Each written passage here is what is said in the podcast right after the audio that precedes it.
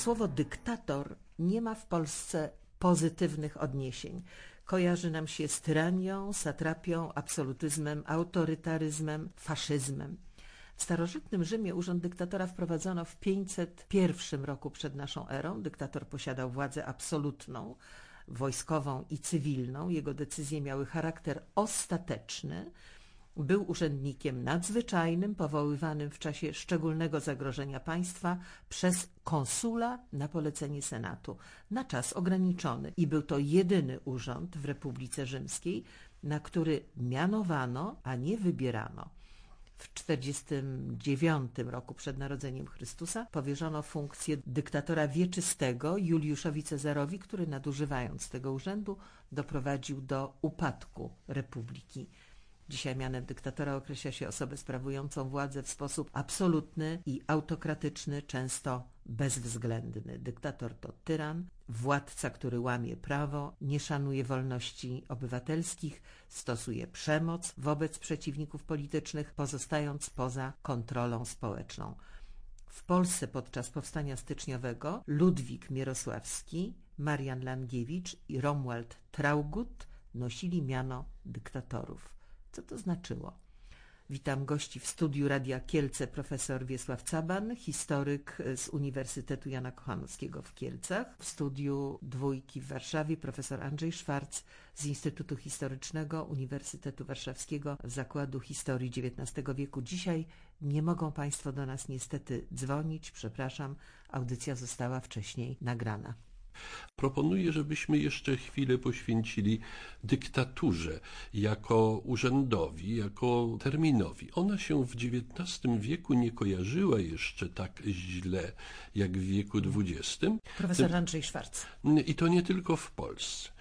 Te tradycje rzymskie symbolizował nie tylko Juliusz Cezar, który owej władzy nadużył, który został prawdziwym dyktatorem, ale y, chociażby taki Lucius Quintus Cincinnatus, który żył w wieku V, był żołnierzem, później rolnikiem, a gdy zawezwano go do objęcia tego urzędu, odszedł po prostu od pługa. Wygrał wojnę z plemieniem Ekwów i przed upływem terminu wrócił do pracy na roli.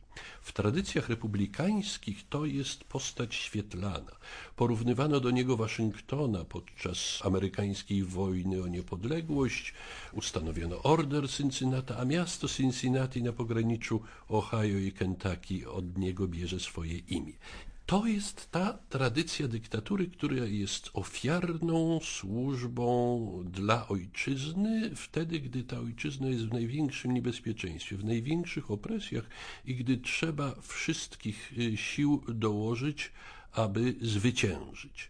A w ustroju republikańskim, jak wiadomo z natury rzeczy, demokratycznym panują różnice zdań, panują konflikty między różnymi urzędnikami, zatem czasami uważano, że ktoś musi tę pełnię władzy czasowo otrzymać. Daleko bym się nie odnosił tylko do powstania listopadowego. Profesor Wiesław Caban. Tam przecież Sejm funkcjonuje, władza wykonawcza również i jest dyktator. I oczywiście też były spory, jak usytuować dyktaturę Chłopickiego, Krukowieckiego czy innych, ale dyktatorzy na czas trwania wojny z Rosją są powoływani. Ich rola miała się sprowadzać mniej więcej do spraw wojskowych. Powtarzam, mniej więcej do spraw wojskowych. Aczkolwiek jeśli chodzi o szeroki zakres spraw cywilnych, też dochodziło do konfliktów, ale to już jest inne zagadnienie. Generalnie rzecz biorąc, nie było innego wyjścia, tylko w czasie powstania listopadowego powołać dyktatora i powstaniu styczniowym to się powiela. I powstanie styczniowe to jest, jeśli chodzi o władzę dyktatorską, to jest to powtórzenie jest to spore uproszczenie z mojej strony, ale jest to powtórzenie powstania listopadowego. Sprawy wojskowe. W gruncie rzeczy ta tradycja sięga jednak Kościuszki, który mimo, że tytułował się najwyższym naczelnikiem siły zbrojnej narodowej, to miał jednak władzę zbliżoną do dyktatorskiej, dotyczącą także spraw cywilnych, administracyjnych, mianował urzędników, wydawał e, dekrety takie jak Uniwersał Połaniecki, bardzo istotne, prawda, wkraczające w ustrój społeczny Polski gdy idzie o powstanie y, listopadowe, o którym pan profesor Wiesław Caban mówił, to Chłopicki był jednak dyktatorem przez półtora miesiąca i początkowo towarzyszyła mu ogromna popularność, śpiewano na jego cześć pieśni, widziano w nim nowego kościuszkę, powtarzano hasło y, cały naród z dyktatorem. Skompromitował się, gdy okazało się, iż nie wierzy w zwycięstwo, liczył na układy z carem Mikołajem I i w połowie stycznia 1931 roku tę dyktaturę złożył. Później na emigracji, tu warto o tym wspomnieć, ponieważ wielka emigracja to jest kuźnia polskiej myśli politycznej, niepodległościowej, powstańczej. Tam właśnie zastanawiano się i na prawicy, i na lewicy, jak najskuteczniej przeprowadzić powstanie. I wówczas o dyktaturze Mówiono, między innymi Maurycy Mochnacki uważał, że tylko taka władza w jednym ręku skoncentrowana może być gwarancją zwyciężenia silniejszego wroga. Demokraci, lewica emigracyjna byli mniej tutaj zdecydowani. To dowództwo z władzą dyktatorską zostało powierzone Ludwikowi Mierosławskiemu na trzy dni przed wybuchem powstania, 19 stycznia. Większością głosów Komitetu Centralnego Narodowego, który w ten sposób chciał zdjąć z siebie ogromną odpowiedzialność za wezwanie do walki w bardzo niekorzystnej sytuacji. Tymczasem Mierosławski był człowiekiem, który od dawna z wielką pewnością siebie głosił, że wie, jak wyzwolić Polskę, jak wygrać walkę o jej niepodległość. Ludwik Mierosławski, który bardzo umiejętnie wysunął się na czoło Towarzystwa Demokratycznego Polskiego, tej emigracyjnej lewicy, był święcie przekonany, że tak powinna wyglądać konstrukcja władzy, przede wszystkim wojskowej, ale i też cywilnej w trakcie walki. No i że on jest tutaj jedyną osobą godną, żeby tę władzę objąć. Miał zresztą za sobą już e, nieszczęśliwe kampanie, w których był naczelnym wodzem podczas Wiosny Ludów i podczas Powstania Poznańskiego i na Sycylii i w e, zachodnio-niemieckiej Badenii. Oprócz tego cieszył się sławą znakomitego teoretyka wojskowości i już od dawna miał ambicje wpływania na tworzące się od początku lat 60. XIX wieku w Polsce konspiracje patriotyczne i miał bardzo wielu zwolenników e, wśród e, młodzieży uczestniczącej w tych konspiracjach. Te kampanie, o których Pan wspomina, przegrane to, że uchodził za znakomitego teoretyka wojennego, no to jeszcze troszeczkę mało. Powiedział pan chwilę wcześniej, że na trzy dni przed wybuchem powstania został mianowany Ludwik Mierosławski, prawda? Dlaczego zatem na początku powstania, kiedy jeszcze tymczasowy rząd narodowy był rozproszony, działaniami powstańców de facto kierował młody naczelnik Warszawy, Stefan Bobrowski? Gdzie się podziewał Mierosławski? Właśnie, Bobrowski był y, szefem komisji wykonawczej rządu narodowego, takiego prowizorycznego zupełnie ciała, które rzeczywiście w końcu stycznia i początku lutego uratowało powstanie. Co do tego nie ma wątpliwości. No cóż, do Mierosławskiego trzeba było pojechać, a delegacja rządu narodowego z Władysławem Janowskim potrzebowała trochę czasu, żeby się dostać do Paryża, po czym Mirosławski musiał się tutaj pojawić i od początku miał żądania, żeby wysłać mu na granicę silny oddział zbrojny, on stanie na jego czele, odniesie zwycięstwo i dopiero potem ujawni, że jest dyktatorem. Na razie miało to wszystko pozostać w tajemnicy. A jak było naprawdę, Panie profesorze, jak było naprawdę? No naprawdę nie było rzeczywiście nieciekawie. Mirosławski wkroczył, przegrał dwie bitwy. Ja za te przegrane specjalnie bym go y, nie winił. To nie jest tylko kwestia jego nieudolności, bo nie ma współdziałania, zresztą w ogóle współdziałania między poszczególnymi dowódcami w czasie powstania styczniowego to jest poważny problem. I Mirosławski się y, wycofał. W moim odczuciu. A nie stchórzył, nie uciekł, wycofał się?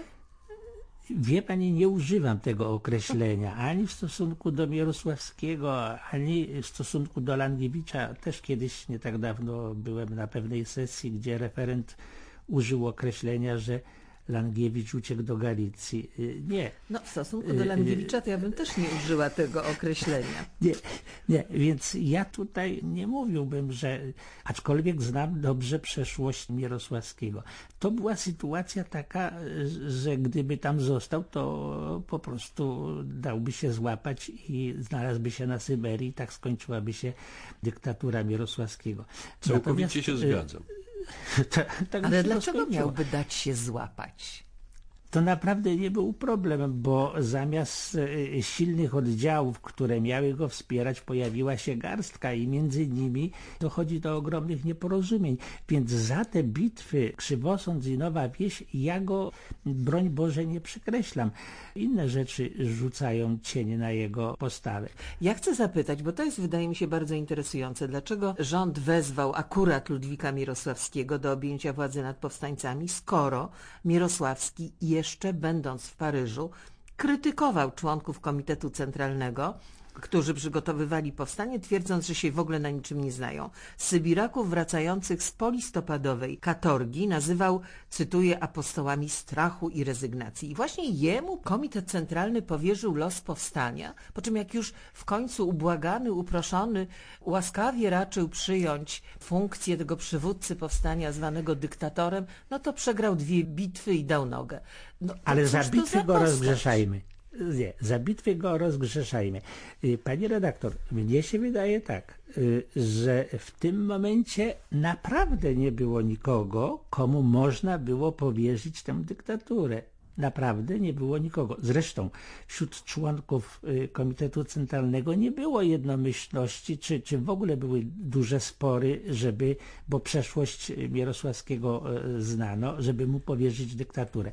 To przeforsował, jak tu wcześniej pan profesor Andrzej Szwarc y, powiedział, Władysław Janowski, brat Kajetana Janowskiego, no postaci bardzo znanej, sekretarz wielu rządów narodowych z czasów powstania styczniowego. Także Komitet Centralny Narodowy dobrze przygotował podziemne państwo, natomiast strona militarna y, była nieprzygotowana. Nie miał jej kto przygotować. Próbował przygotować Dąbrowski czy Padleski, ale e, sprawy nie wyszły. Stronę wojskową powstania mogli przygotować tylko i wyłącznie oficerowie polskiego pochodzenia, którzy służyli w armii carskiej, którzy znali przeciwnika. Ale to się nie udało. Więc Komitet Centralny Narodowy stanął w trudnej sytuacji. Dyktatora powołuje, składa sprawy wojskowe na barki dyktatora i powołuje naczelników wojskowych w poszczególnych województwach. I tak to funkcjonuje aż do czasów dyktatury Traugutta. A więc Komitet Centralny Narodowy, czy rząd tymczasowy, czy rząd narodowy troszkę złożył odpowiedzialność za sprawy militarne na dyktatora i na naczelników wojskowych powstania. Od tej Chciałabym... strony powstanie było nieprzygotowane. Chciałabym coś zacytować. Nie było ani hmm. płaszczy, ani butów, ani koszul, a mieliśmy przed sobą hmm. wojnę mhm. zimową. Zdawało się, jakoby powstanie miało być kilkugodzinnym polowaniem. Cała wina tak smutnej sytuacji spada na niesłychaną lekkomyślność niepraktyczność dyktatora wojny. Tak pisał w relacjach o kampanii własnej o Ludwiku Mierosławskim Marian Langiewicz, czyli następny dyktator powstania styczniowego, który zresztą nie uważał Mirosławskiego za swojego przeciwnika, ale za szkodnika narodowej sprawy. Moim zdaniem Mirosławski był megalomanem i awanturnikiem. Z całą pewnością. I jeszcze wcześniej wygłaszał tyrady podlane patriotyczną frazeologią, z których niewiele wynikało. Ale trzeba pamiętać, że był jednym z najbardziej znanych, najbardziej rozpoznawanych Polaków tej epoki, właśnie ze względu na swoją międzynarodową aktywność. I że bardzo wielu ludzi mu wierzyło, w tym Ufało. powtórzmy młodych ludzi rwących się w Polsce do walki przedstawicieli młodzieży szkolnej, studenckiej, młodej inteligencji. Mierosławski przesyłał na przykład do królestwa ulotki, na których znajdowały się wizerunki jego podającego rękę Garibaldiemu. No a Garibaldi był wówczas bohaterem, e, Legenda. uważano, że wyzwolił Włochy, także i nam pomoże, a oto jest generał, który jest jego bliskim przyjacielem. To wszystko działało na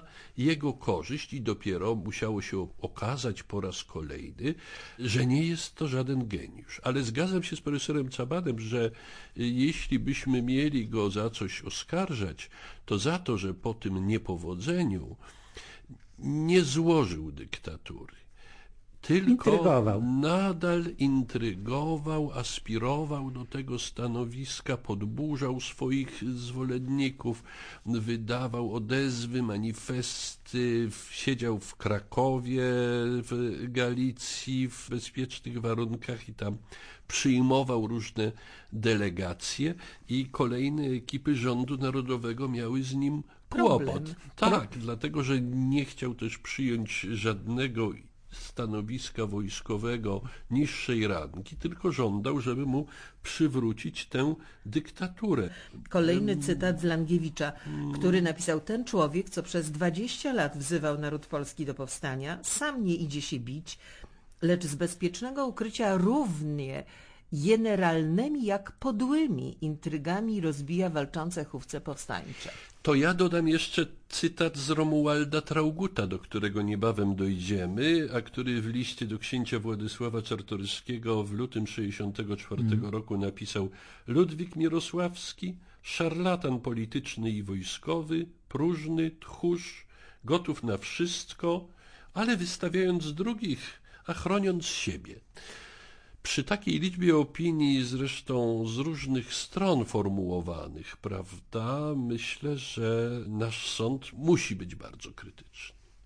No i w taką niewesołą sytuację, nieciekawą i trudną, po dziwnym zachowaniu Mierosławskiego, następnym dyktatorem zostaje, jak powiedziałam wcześniej, generał Marian Langiewicz, syn powstańca listopadowego, który dyktatorem był raptem tydzień od 11 marca do 18 marca 1863 roku. Co zresztą ciekawe, panowie spotkali się wcześniej we Włoszech i zapałali natychmiast do siebie wielką niechęcią, czyli Langiewicz i Mirosławski. To było związane z polską szkołą wojskową, założoną w Genui przez Giuseppe Garibaldiego. Czy to był autentyczny konflikt taki na poziomie specjalistów, fachowców wojskowych, czy tu były inne względy? Ja nie wiem. Profesor Wiesław Caban. mnie, według mnie to y, na pierwszym miejscu wchodziły w grę sprawy osobowościowe. Po prostu, co by nie powiedzieć, to kiedy Mirosławski został ogłoszony dyktatorem, to Langiewicz się podporządkował. I mimo, że mieli nieporozumienia z, ze szkoły wojskowej w Genui i w Cuneo. Z tym, że pani redaktor, kto nie miał nieporozumień z Mirosławskim y, y, y, na terenie szkoły genueńskiej? Prawie każdy. Więc, No ale podobno młodzież trzeba- go tam uwielbiała. Pewnie, że go uwielbiała. Jan Kurzyna też wyjechał z Warszawy i służył Mierosławskiemu. Był w niebo wzięty wszystkim tym, co y, mówi Mierosławski prawie że do końca. Ale w końcu i jest- Kurzyna opuścił Mirosławskiego, bo z nim nie można Ale było to- wytrzymać. Ale to już był sam koniec, to już na paryskim bruku, prawda, po wszystkiemu. Ale część młodzieży, no jeżeli ktoś y, głosi hasła piękne, demokratyczne, wszyscy będziemy obywatelami, no, widziano w Mierosławskim Garibaldiego, bo Mierosławski też zapuścił sobie brodę, tak jak Garibaldi, prawda? No więc część młodzieży została zwyczajnie omamiona i ja się, ja się temu nie dziwię. Ja się temu nie dziwię. Natomiast ludzie, którzy mieli trochę większy kontakt z nim, natychmiast się dystansowali, bo wiedzieli, że z nim żadnej, jak ja to mówię, konstrukcji nie da się zrobić. Wprawdzie Mirosławski wrócił na chwilę do Polski, ale po przegranej bitwie porzucił czym prędzej powstanie i uciekł za granicę, gdzie oczerniał powstańców. To, co wyprawiał Mirosławski, to jest po prostu niewiarygodne. Ja nie wiem wobec tego, jak należy ocenić jego udział i postawę w powstaniu. Nie wiem, dlaczego został pochowany na cmentarzu Montparnasse w Paryżu i dlaczego Cyprian Godebski przepiękny pomnik mu wystawił, czy też zaprojektował. I nie wiem, dlaczego do dzisiaj w Polsce wiele ulic nosi imię Mierosławskiego, natomiast zdecydowanie mniej generała Langiewicza, który wydaje mi się być człowiekiem szlachetnym. No, w Warszawie, w Warszawie mamy i ulicę Langiewicza, i Mierosławskiego, i Trauguta. Ale w tym momencie muszę zacząć trochę chociaż Mierosławskiego bronić. bronić, skoro nie ma kogo innego, kto by w tej roli mógł wystąpić. Ale z cmentarza go nie zabierajmy. Właśnie. Nie, nie, zostawmy go tam. Tu jeśli idzie o jego postawę podczas procesu berlińskiego w 1847 roku, kiedy on był głosem zniewolonej Polski, wspaniale przemawiał, mówiąc, że na tej ławie oskarżonych powinien siedzieć cały naród, a nie tylko my, którzy y, właśnie to powstanie przygotowujemy. Dalej, gdy idzie o tę wiosnę 1848 roku, o powstanie w Poznańskiem i bitwę pod Miłosławiem, jedyną wygraną, to stanął tam na wysokości zadania i wykazał się osobistą odwagą. To były początki owej jego sławy. No a jeśli idzie o propagowanie sprawy polskiej, gdyby on się do tego ograniczył, a nie miał nadmiernych ambicji mm, wodzowskich, wojskowych, wojskowych to byśmy zapewne go tak krytycznie nie oceniali. Langiewicz nie chciał zostać dyktatorem. Po latach w pamiętniku tłumaczył: Otóż nie czułem w sobie sił do zajęcia takiego stanowiska. Ale no, po usilnych namowach jednak przyjął to stanowisko, zgodził się pojednać białych i czerwonych, co było rzeczywiście wielkim dokonaniem, wydawało się prawie niemożliwym. Jak był kochany, bo to każdy z nich właściwie był adresatem a to poezji jakiejś patriotycznej, a to listów prawie miłosnych. Patriotyczne warszawianki w imieniu wszystkich kobiet polskich napisały w liście tak. z 4 marca 1863 roku do Langiewicza uwielbieniem przejęte dla czynów Twoich generale składają Ci warszawianki w imieniu wszystkich Polek serdeczne dzięki za to, coś dotąd z pomocą Bożą dla ukochanej ojczyzny naszej uczynił. Bóg z Tobą, błogosławieństwo matek i dzieci polskich z Tobą. Na czym polegała ta popularność niezwykła Langiewicza, panie profesorze? Pan profesor Wiesław Czatan. Tutaj akurat ta popularność była uzasadniona. Mierosławski pojawił się, przegrał i odszedł z placu boju, natomiast Langiewicz, mimo że został powołany na naczelnika wojskowego województwa sandomierskiego, w pewnej chwili krakowskiego także, ale tam były pewne nieporozumienia, to jednak y, po bitwie pod Szydłowcem organizuje, wycofuje się, organizuje obóz w Wąchocku, mówi się o tak zwanej Republice Wąchockiej, pisze o tym prasa zachodnia i tutaj w Wąchocku ma ujawnić się rząd narodowy. Takie były plany. No, nie udało się. Pobyt w Wąchocku był krótki. Langiewicz y, przez Święty Krzyż, Staszów, dotarł do Małogoszcza i stoczył 24 lutego bitwę. Przegrał, ale inaczej się ocenia bitwę w regularnych działaniach, a inaczej jeśli chodzi o działalność partyzancką. Langiewicz wyprowadził wojsko tak, jak było zaplanowane ten plan wycofania założony przed bitwą tak zostało zrealizowane i to trzeba zapisać na duży plus Langiewiczowi. Udaje się w kierunku Galicji, to jest też naturalne, bo posiłki, aprowizacja może przyjść w tym momencie tylko z tamtej strony, tak. Z tamtej strony, prawda. No, z Prus też przychodziły, ale w daleko mniejszym zakresie. No i y, y, jeśli Langiewicz pojawił się nad granicą z Galicją, a ponieważ w Krakowie y, był bardzo silny ośrodek, jeśli chodzi o stronnictwo białych, w Warszawie praktycznie rząd narodowy no nie działał więc trzeba było sytuację ratować. Niektórzy historycy powiadają, że Langiewicz został dyktatorem trochę na przekór Jarosławskiemu, bo mieli dawne porachunki. Nie, może to w jakimś ułamku procenta wchodziło w rachubę.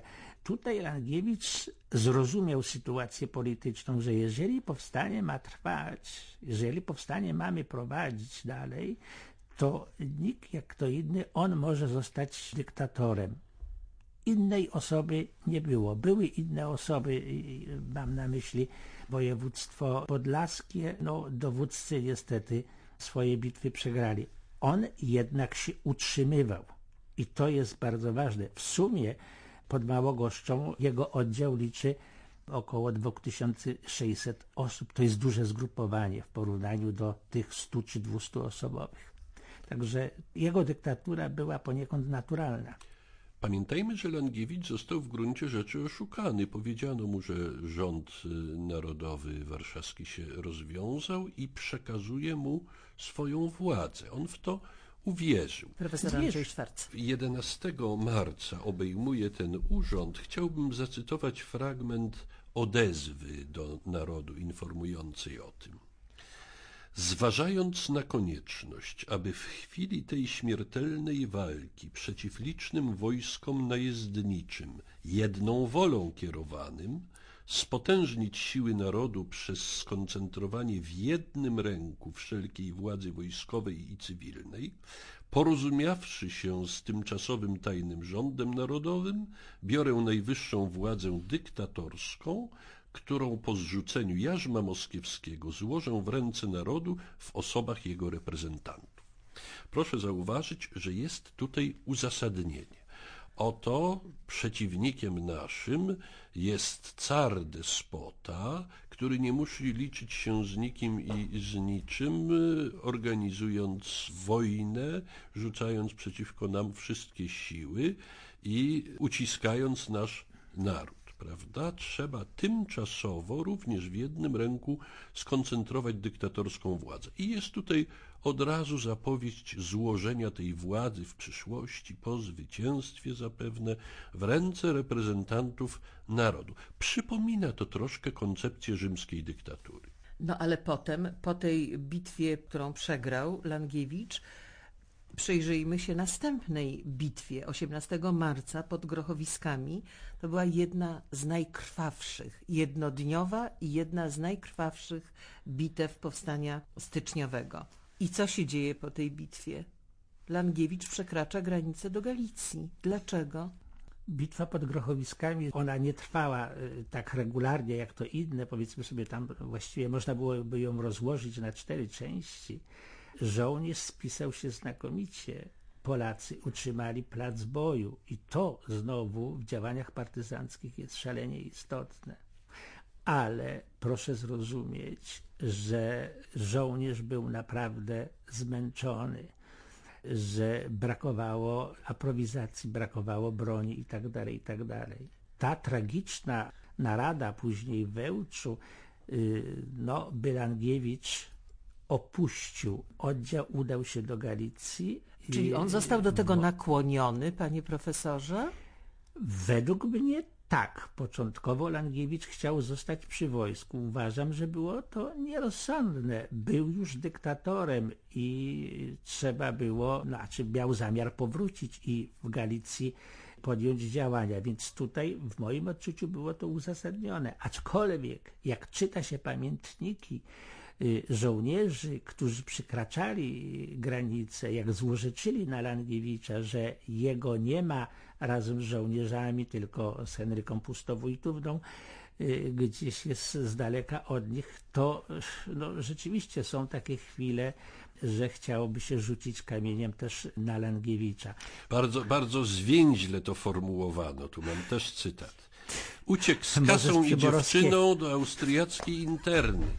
To Mierosławczycy przede wszystkim głosili. Uciekł z kasą dziewczyną ale... do austriackiej interny. Dobrze, ale profesor tak. Stefan Kieniewicz napisał, że mówiono powszechnie, że to Mierosławczycy wskazali dyktatora austriackiej Straży Granicznej i dlatego go aresztowano i dlatego osadzono go w więzieniu i zwolniono dopiero po upadku powstania. Czy to tak rzeczywiście było? Pan profesor Stefan Kieniewicz jest dla nas wielkim autorytetem, ale tutaj to naprawdę e, do końca ja nie jestem przekonany. W końcu był Langiewicz był dyktatorem, Rosjanie obserwowali jego działania, współpraca, e, nie zapominajmy, współpraca bardzo dobrych służb e, policyjnych rosyjskich ze służbami austriackimi przez cały okres trwania powstania była i, i, i tutaj nie było chyba specjalnej trudności, żeby Langiewicz wpadł w ręce policji. Nie wiem, nie doszukiwał. Może skoro ja był z kobietą dalej... i pieniędzmi stracił czujność. Nie, nie, nie, nie, nie, nie. Proszę Państwa, ja w ogóle dystansuję się od jakichś takich spisków. Absolutnie tak bym nie uważał tej czujności. Zresztą też nie przeceniałbym tej sprawy z Pustowójtówną, bo przecież kiedy ona się pojawiła w obozie, to Langiewicz odprawił ją do Czachowskiego. A poza tym pamiętajmy, że Pustowójtówna nie była jedyną kobietą, która znalazła się w oddziale partyzanckim. Znam przypadki, kiedy mąż z żoną przyszli do oddziału partyzanckiego. W oddziale Chmieleńskiego kilkanaście kobiet y, służyło ale złośliwi zawsze coś tam mogli powiedzieć. Nawet Przyborowski, który był przecież w tym momencie e, wśród uchodzących, no też bardzo krytycznie, bardzo złośliwie się wypowiadał o, o tym przejściu Langiewicza na, na stronę austriacką, na stronę galicyjską, ale proszę Państwa, według mnie to było rozsądne rozwiązanie, a że się stało jak się stało, to później można było różne złośliwości prawić. Z tak. jednej i z drugiej strony czy gdyby Langiewicz nie zmierzał w stronę Galicji, gdyby został w Polsce, czy też może gdyby tam zebrał siły, wrócił i nie, nie został aresztowany przez Austriaków, czy była szansa na to, że powstanie mogło dłużej trwać, inaczej się potoczyć? Ha, pani redaktor namawia nas tutaj do rozumowania. Kon kontrfaktycznego, zwanego popularnie gdybaniem. Prawda? Ale to gdybanie wynika z tego, panie profesorze, że taka nagle dziura nam się zarysowuje w historii powstania styczniowego. Kto dowodził powstaniem, bo przecież trwało od momentu aresztowania Langiewicza do momentu przejęcia władzy przez Romualda Traugutta. Powstanie przez cały czas było wojną partyzancką, co było siłą i słabością zarazem powstania. No ale ktoś musiał nie dowodzić. Nie udało się w skali całego kraju, nikomu to się nie udało i udać się nie mogło ze względu na nie brak mogło. łączności chociażby. Wszelkie próby utrzymania przez czas dłuższy jakiegoś choćby kawałka ziemi polskiej się nie udawały. Początkowo ten trójkąt trzech cesarzy, Olkusz, Będzin, ojców. ojców, kilkanaście dni to jednak trwało. Nie udało się zająć Płocka, który miał być taką powstańczą stolicą w myśli jeszcze wstępnego planu Zygmunta Padleskiego sprzed powstania. Nie udało się też, mimo znów różnych, trudno powiedzieć na ile możliwych do wykonania planów zająć żadnej twierdzy, przede wszystkim Modlina, co z kolei chciał przeprowadzić Jarosław Dąbrowski, licząc prawda, na przedstawicieli rosyjskich rewolucjonistów w załodze tej twierdzy. I siłą rzeczy to jest, jak podliczono, około 1200 bitew i potyczek w ciągu tych ponad dwóch lat. Jak to ponad dwóch lat? No jeśli księdza Nie, trochę- Brzuskę, trochę krócej. no krócej, A ale tak, no, no, tak, jak półtora księdza. Brzuskę doliczymy, to jest. Jak No księdza właśnie, Brzuskę tak, doliczymy, tak. to jest, jest, jest. Rozumiem, że nie było jednego dowódcy, że nie było jednego przywódcy, jednego dyktatora przez pół roku. Od 18 marca aż do 18 października. Jak to się stało wobec tego, że Romuald Traugott, ostatni przywódca powstańczego rządu narodowego, który jak na ironię karierę zaczął w armii rosyjskiej. Był oficerem armii rosyjskiej, do której wstąpił w 1845 roku w bardzo młodym wieku 19 lat. Brał udział w wyprawie wojsk rosyjskich w tłumieniu powstania węgierskiego. Walczył w wojnie krymskiej w oddziałach armii carskiej. Potem, kiedy już podał się do dymisji i osiadł w majątku na Polesiu, nie należał do żadnej organizacji konspiracyjnej. Mało tego, powstanie styczniowe oceniał bez entuzjazmu. Jak to się stało, że Romuald Traugott zgodził się na to, żeby przewodzić powstaniu, które już właściwie gasło? Panie redaktor, pozwólcie Państwo jeszcze na moment, bo tam Pani powiedziała o tej dziurze po y, odejściu Langiewicza. Jak to się stało, że to powstanie jednak funkcjonowało w okresie lata od czerwca czy lipca 63 nabierało ono dynamiki? Otóż jednak w tym momencie nie wszyscy może, ale duża część tak zwanych naczelników wojskowych poszczególnych województw się sprawdza. I te mniejsze oddziały są problemem dla armii carskiej, jeśli chodzi o likwidację. Łatwiej było zlikwidować duży oddział, niżeli oddział 300 czy 400 osobowy, bo on w każdej chwili można go było rozproszyć. I podamy tylko dwa przykłady. Dionizy Czachowski, który doświadczenie wojskowe miał niewielkie, utrzymuje się przez kilka miesięcy z niewielkim oddziałem i powstanie trwa. I Zygmunt Chmieleński, były oficer armii carskiej, też przez kilka miesięcy się utrzymuje, stoczył 11 bitew i, i potyczek i powstanie trwało. Było to złożone na karp naczelników wojskowych poszczególnych województw. A teraz możemy wrócić do Traugutta. Właśnie. Otóż to pytanie może trzeba by postawić trochę inaczej. Dlaczego Traugott w ogóle przyłączył się do powstania wiosną 1863 roku? Otóż y, wówczas zaczęto wierzyć, że pomogą nam Francuzi i Anglicy. Sytuacja międzynarodowa się zaostrzyła. Napoleon III wydawał pod adresem Rosji głośne pomruki. Rozpoczął interwencję dyplomatyczną, żądając w Petersburgu zawieszenia broni, autonomii królestwa, powszechnej amnestii. I również mogło się wydawać, że dojdzie do wojny europejskiej, która przyniesie Polsce niepodległość. Przecież zaledwie przed kilkoma laty Francja i Anglia zwyciężyły Rosję i o tej Rosji, której się bano przez lat parę dziesiąt, przestano w Europie mówić jako o żandarmie Europy, zaczęto mówić jako o kolosie na glinianych nogach. To wszystko musiało działać na wyobraźnię i powodowało, że biali, to znaczy ziemianie, ludzie umiarkowani, ale majętni, przekonani też, że oni są solą tej ziemi, że oni są nośnikami tradycji, niepodległości, godności, honoru, przyłączają się do powstania. No i wówczas to ziemianie z Polesia, sąsiedzi Trauguta, wiedząc, że jest on dymisjonowanym podpułkownikiem, że ma doświadczenie wojskowe, namawiają go, żeby stanął na czele niewielkiego w sumie oddziału tam na wschodzie, za wschodnią granicą Królestwa Polskiego, prawda, na terenie historycznego Wielkiego Księstwa Litewskiego. Co on czyni, później będzie mówił, powstania nikomu nie zalecałem. I tak na pewno było, ale to była też jakaś kwestia honoru, godności i tej nadziei na pomyślną koniunkturę międzynarodową. Ta sama nadzieja na interwencję państw zachodnioeuropejskich sprawi, że Traugott zdecyduje się o właśnie już do tego dochodzimy, na objęcie dyktatury. Ale też w trudnej osobistej sytuacji, prawda? Dlatego, że on poniósł straty. Zmarła córeczka, zmarła żona, zmarł synek miał taką osobistą, trudną bardzo tak, sytuację. Tak, tak, tak. No, ożenił się po raz drugi w międzyczasie, ale to prawda, to prawda.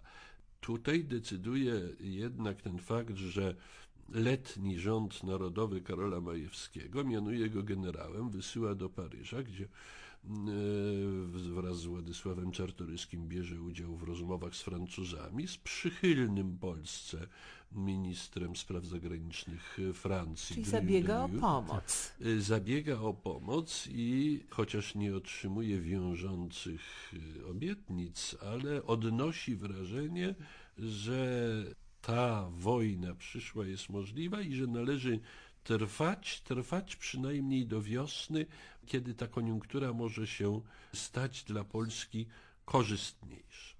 Dziwi to, że i Władysław Czartoryski, i Romuald Traugut no, nie byli politykami, ale byli ludźmi inteligentnymi, znającymi sytuację w Europie, doskonale wiedzieli, jaka jest sytuacja w kraju, którego nie było i uwierzyli w to, że może się tak odmienić, jak pan profesor powiedział, koniunktura i że Zachód przyjdzie Polsce z pomocą. To jest ta nasza wieczna, niespełniona wiara. Tu znów. Ale co im pozostało? Tu już znów wystąpi jako adwokatus diaboli. A Napoleon III wyzwolił Włochy wedle powszechnego europejskiego mniemania, tak. prawda? Parę lat wcześniej. Pobił Austriaków. Oczywiście wiemy dobrze, że stały za tym interesy francuskie. Takich interesów mhm. francuskich ani brytyjskich we wschodniej Europie czy nad Wisłą nie było. Bo też nie mogło nie być. Było, oczywiście. E, ale jeszcze o jednym powinniśmy pamiętać, że mamy wówczas do czynienia z e, zarysowującym się konfliktem między Austrią a Rosją. Austria nie staje w jednym szeregu zaborców jak dawniej, ale przyłącza się do tej dyplomatycznej interwencji angielsko-francuskiej w Petersburgu, upominającej się o sprawę polską. Patrzy przez palce na organizowanie w Krakowie i Lwowie komitetów powstańczych, a nawet oddziałów, które będą przekraczać granice, przekraczać Wisłę i zwykle poprzedzone już wiadomościami docierającymi do Rosjan będą od razu rozbijane. To jest oczywiście dwulicowa polityka Austrii. Ona jest związana z tym, że na Bałkanach już wówczas jest spór o strefy wpływów, o to, że Rosja bałamuci Słowian pod panowaniem tureckim, ale także austriackim. To są wszystko te konflikty, które później się rozwiną i jak gdyby spowodują wybuch I wojny światowej. I w związku z tym Wiedeń cieszy się, że ten rywal ma kłopoty na ziemiach zaboru rosyjskiego. I długo, bo do lutego 1964 roku zajmuje tutaj postawę dwuznaczną. Później Austria, widząc co się dzieje, wprowadzi stan oblężenia, zacznie wyłapywać dobrze sobie znanych współpracowników powstania, którzy schronili się w Galicji, czy też z Galicji pochodzili i, i, i działali na rzecz. No bardzo dwuznacznie, dlatego że w końcu aresztowali Langiewicza i nie wypuścili go, dopóki powstanie się nie skończyło. A mogli go wypuścić, mogli go w ogóle nie zamykać. To racja, to była wybitnie gra na dwie strony. Strony. Tym, tak. tym niemniej jednak, gdyby od początku Austria dysponująca w Galicji odpowiednimi wojskami i policją i mogąca je ściągnąć jeszcze z innych prowincji Cesarstwa Austriackiego, szła ręka w rękę z Rosją, to oczywiście powstanie, cóż, wkraczamy na ten grząski grunt gdybania, trwałoby pewnie krócej i skończyłoby się wcześniej. Może bardziej krwawo, a y może nie. To Trudno coś. powiedzieć, ale na Langiewiczu by się zakończyło. Mhm. A proszę powiedzieć, na czym polegał plan Romualda Traugutta i dlaczego się nie udał? Bo on przecież uporządkował pewne sprawy, prawda? Uporządkował wojsko, wprowadził dyscyplinę w powstańczym wojsku jakoś to przeorganizował. Wydawało się, znaczy z całą pewnością wiedział, co robi. Wydawało się, że ma szansę. Przede wszystkim to było już za późno. Organizacja wojskowa rzeczywiście tutaj mamy do czynienia już z ładem, bo do tej pory każdy dowódca na swoją rękę współdziałał. Teraz mamy w związku z dekretem z 15 grudnia 1863 roku podział na korpusy i na mniejsze jednostki czy oddziały wojskowe. To było bardzo ważne.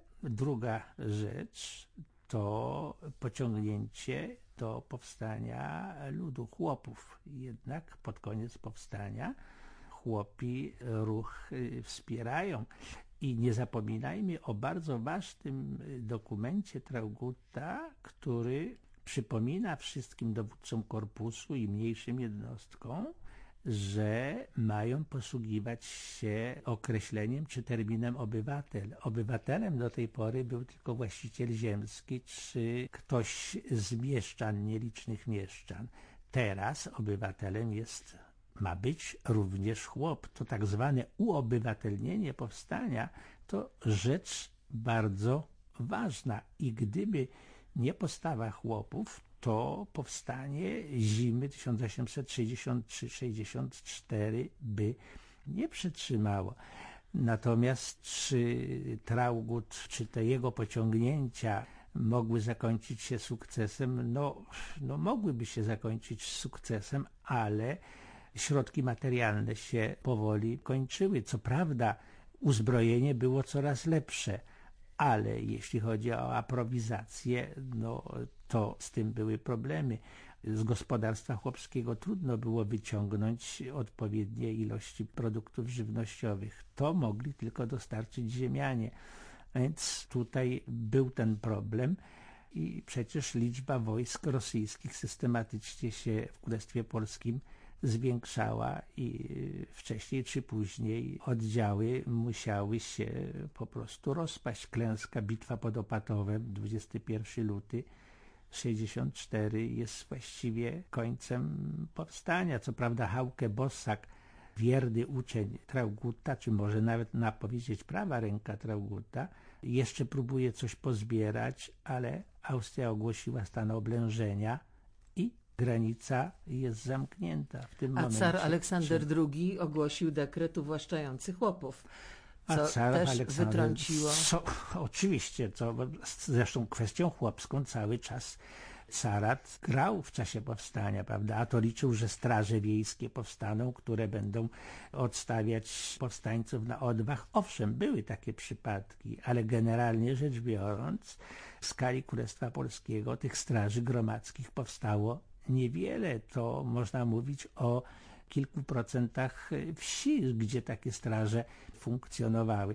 No ale rząd narodowy ogłaszając uwłaszczenie, to było piękne, tylko rząd narodowy nie mógł dać chłopu dokumentu, w którym było napisane, że te twoje trzy czy pięć morgów, z których do tej pory płaciłeś czynsz, jest twoje. Nie miał takiej możliwości. Natomiast car tę możliwość miał i to była ta przewaga i to, to w sumie to wszystko zadecydowało, że powstanie zakończyło swój żywot. Natomiast te środki, o których pan mówi, że zabrakło, bo przecież ogromna większość polskich urzędników administracji Królestwa Polskiego wykonywała potajemnie polecenia rządu narodowego, także dotyczące przekazania środków. I tak 9 czerwca 1863 roku, w biały dzień, polski personel Banku Polskiego na placu bankowym w Warszawie przekazał powstańcom dowodzonym przez Aleksandra Waszkowskiego depozyty kasy głównej królestwa w wysokości prawie 4 milionów złotych, 500 tysięcy rubli i wiele listów zastawnych. Pamiętajmy, że były składki narodowe na rzecz powstania, czyli te środki były, tylko być może jak zwykle zostały zmarnowane. Nie, nie, nie, nie. To znaczy atak, czy jak to napad na bank, prawda, to raczej y, powiedzmy sobie y, taka medialna wiadomość, natomiast korzyści z tego materialnych y, nie było za dużo.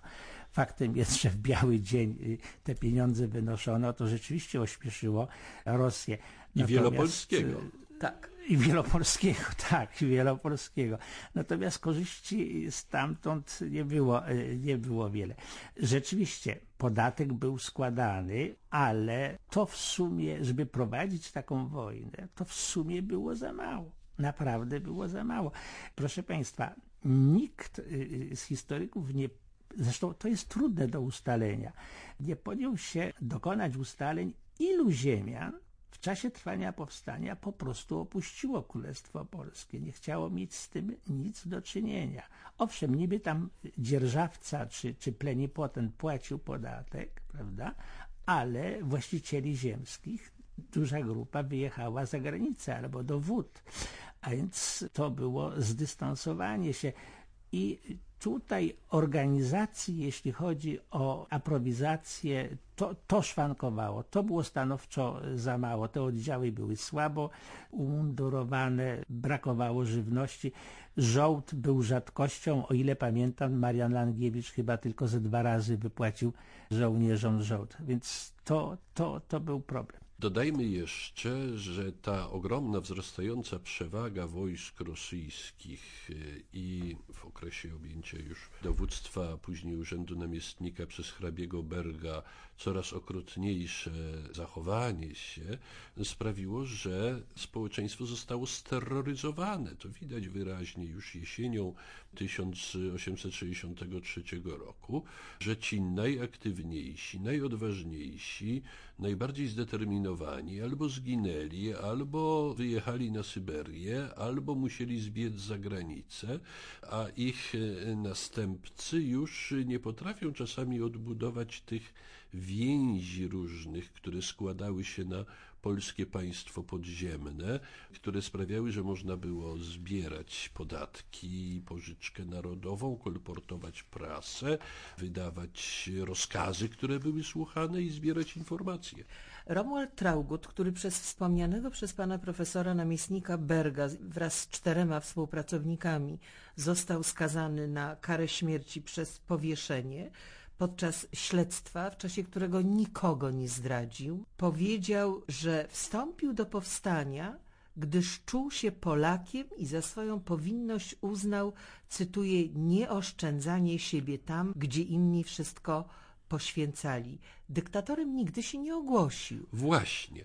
Dyktatorem nazwali go potomni w gruncie rzeczy. No, jego sekretarz Marian Dubiecki w y, pamiętnikach tak. tak go określał, ale wszystkie przez y, Trauguta opracowane dekrety rządu narodowego, korespondencja, wszystko były podpisywane jako rząd narodowy. Tyle tylko, że nie był to już organ kolegialny, że Traugut osobno wydawał polecenia wszystkim dyrektorom wydziałów, czyli tym jak gdyby podziemnym ministrom, ale powtórzmy, urzędu dyktatora nie objął nigdy w przeciwieństwie do Mierosławskiego i Langiewicza. Ale skoro już zaczynamy porównywać, to jedna jest rzecz ważna, że chociaż nie tytułował się dyktatorem, to sprawował w tym państwie podziemnym realną władzę, której ani Mirosławski, ani Langiewicz nie sprawowali. Oni byli w gruncie rzeczy dyktatorami symbolicznymi, iluzorycznymi. No, nie udało im się, chociaż oczywiście mieli taką nadzieję, tej władzy podziemnej, ani władzy wojskowej, centralnej objąć. Natomiast Traugutowi to się na kilka ostatnich miesięcy powstania udało. Romuald Traugut, wydany przez Artura Goldmana, swojego współpracownika, został aresztowany w nocy z 10 na 11 kwietnia 1864 roku w mieszkaniu przy ulicy Smolnej w Warszawie. Otrzymał wyrok, jak powiedzieliśmy, podpisany przez namiestnika Berga, skazujący go na karę śmierci przez powieszenie i 5 sierpnia 1864 roku na stokach Cytadeli Warszawskiej stanęło pięć szubienic, na których zostali powieszeni i Traugut i jego współpracownicy. Jako pierwszy na ten podest szubienicy wszedł Romuald Traugut. Zdjął swoje druciane okulary, odrzucił Złożył ręce jak do pacierza, uniósł głowę do nieba, kat założył pętlę na szyję. Orkiestra wojskowa, carska grała walca. Natomiast zgromadzony pod szubienicą na Cytadeli Warszawskiej trzydziestotysięczny tłum, starając się zagłuszyć tę orkiestrę, śpiewał Święty Boże, Święty Mocny. Wyrok wykonano o dziesiątej rano. Mirosławski ma opinię antybohatera powstania styczniowego. Langiewicz nieudacznika. Traugut świętego. Męczennika z całą pewnością. I jeszcze jedna różnica. Właściwie w momencie egzekucji Trauguta poznano, dowiedziano się, kto to jest, że to jest czołowa postać rządu narodowego. A i Mierosławski, i y, Langiewicz byli znani, byli sławni. Y, rozgłaszano, że to są dyktatorzy, prawda? Traugut pozostaje anonimowy, skromny, nieznany, na dobrą sprawę aż do swojej męczeńskiej śmierci. I jako jedyny był prawdziwym przywódcą powstania. Tak, tak, z pewnością. Wypada się tylko zgodzić, że był prawdziwym przywódcą. Aczkolwiek y, no, trzeba wziąć też pod uwagę, że Traut był o tyle w lepszej sytuacji, że był trzeci z kolei, miał przegląd sytuacji i wiedział już, jak pewne rzeczy y, można, używając języka sportowego, rozgrywać. Także no, skorzystał z doświadczeń swych poprzedników. To też trzeba widzieć, bo gdyby zaczynał na... O, no sam wpadłem w gdybanie, to pewnie by też było inaczej. Bardzo dziękuję. Naszymi gośćmi byli profesor Wiesław Caban i profesor Andrzej Szwarc. Dziękuję panom profesorom serdecznie. Dziękuję bardzo. Do Dziękuję usłyszenia. bardzo. Do usłyszenia. Usłyszenia. Hanna Maria Giza.